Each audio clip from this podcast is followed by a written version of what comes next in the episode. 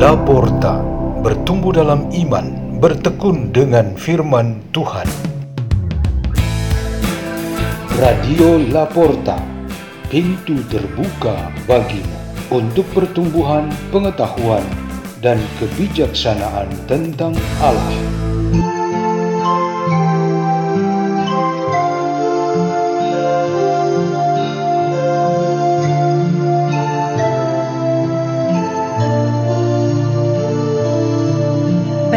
Dan Renungan Sabda Tuhan Hari Selasa Pekan ke-24 Masa Biasa Tanggal 19 September 2023 Dibawakan oleh Suster Ewaldin OSF dan Suster Christine OSF dari Komunitas Bonaventura Tolai, Keuskupan Manado.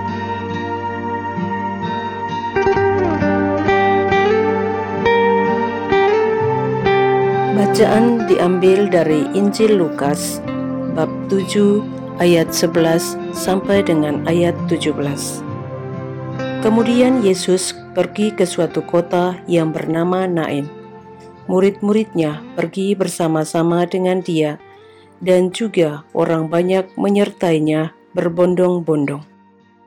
Setelah ia dekat pintu gerbang kota, ada orang mati diusung keluar yaitu anak laki-laki, anak tunggal ibunya yang sudah janda, dan banyak orang dari kota itu menyertai janda itu. Dan ketika Tuhan melihat janda itu, tergeraklah hatinya oleh belas kasihan. Lalu ia berkata kepadanya, "Jangan menangis."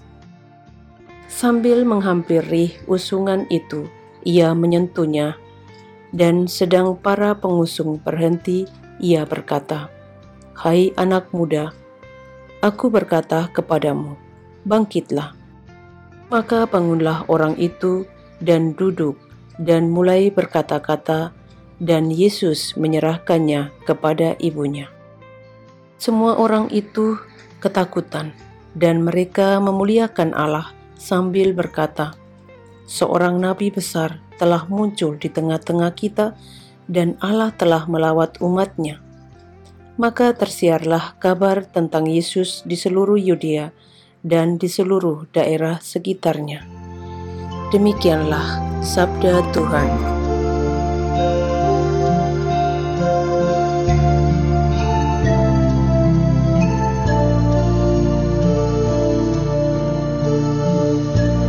Tema renungan kita pada hari ini ialah Tuhan tahu berbuat untuk kita. Kemarin renungan kita menggambarkan doa, meminta pertolongan, lalu Tuhan berkenan mengatasi kesulitan-kesulitan kita. Hari ini renungan kita menekankan bagaimana Tuhan yang datang atas kuasanya sendiri karena ia tahu dan melihat keadaan kita dalam kesulitan. Istilah compassion atau bela rasa, belas kasih, merupakan ciri khas Tuhan yang sangat peduli dan yang hendak mencurahkan kasihnya kepada kita. Di dalam kitab suci, ada banyak petunjuk tentang Tuhan Yesus jatuh kasihan, kepada orang-orang yang sedang berkekurangan dan menderita. Ia segera bertindak, menolong, dan menghibur mereka. Salah satunya ialah seperti ia lakukan dalam Injil hari ini, yaitu menghidupkan anak tunggal seorang janda di desa Naim. Keadaan hidup manusia yang memprihatinkan dalam aneka bentuknya diketahui dengan pasti oleh Tuhan. Misalnya, si janda itu jelas ia kehilangan segalanya, terutama anak satu-satunya yang mestinya sebagai jaminan bagi kesejahteraan dan masa depannya. Ada banyak situasi kita yang konkret dalam pribadi, keluarga, atau lingkungan sekitar kita yang membuat hati kita miris dan kasihan. Bagi Tuhan, Ia selalu tergerak oleh belas kasihannya untuk campur tangan.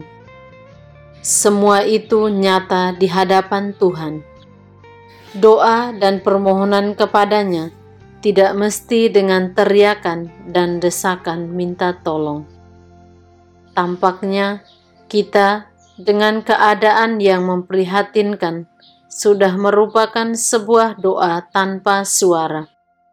Cukup dengan tampak yang apa adanya itu, dan tak perlu ada ucapan dan seruan minta kasihan. Kita memasrahkan kepada kehendak yang maha tinggi, karena Ia sudah mengetahui semuanya. Doa yang seperti itu sangat memerlukan ketulusan dan kejujuran kita. Yang perlu dihindari ialah kebohongan atau kepalsuan berbalut penampakan sebagai penderita. Para pengemis jalanan sering menipu kalau mereka tak punya tangan dan kaki, sehingga orang-orang langsung jatuh kasihan kepada mereka. Tetapi ketika mereka ditantang akan kejujurannya, langsung terlihat kepalsuan yang dibuat dengan memakai bahan buatan pada tubuh untuk menutup tubuh aslinya yang sebenarnya normal. Jangan pernah kita menipu Tuhan dengan cara seperti ini kalau memohon kepadanya pertolongan-pertolongan. Tuhan bakal menunda berkatnya kepada kita atau malahan menghukum kita. Jadi, kita memang perlu tampil apa adanya sebagai manusia normal dengan kelebihan dan kekurangan, khususnya penderitaan dan kesulitan kita yang nyata di hadirat Tuhan yang sudah mengetahuinya. Meski tanpa kata atau seruan minta dikasihani, tetapi sebenarnya hati kita sedang sangat mengharapkan campur tangan Tuhan segera dan sebaik mungkin. Marilah kita berdoa. Dalam nama Bapa dan Putra dan Roh Kudus. Amin. Ke dalam tanganmu ya Bapa yang Maha Murah, kami gantungkan hidup kami. Jadikanlah kami selalu rendah hati dan jujur berada di hadiratmu. Kemuliaan kepada Bapa dan Putra dan Roh Kudus, seperti pada permulaan, sekarang, selalu, dan sepanjang segala abad. Amin. Dalam nama Bapa dan Putra dan Roh Kudus. Amin. Radio Laporta, pintu terbuka bagimu.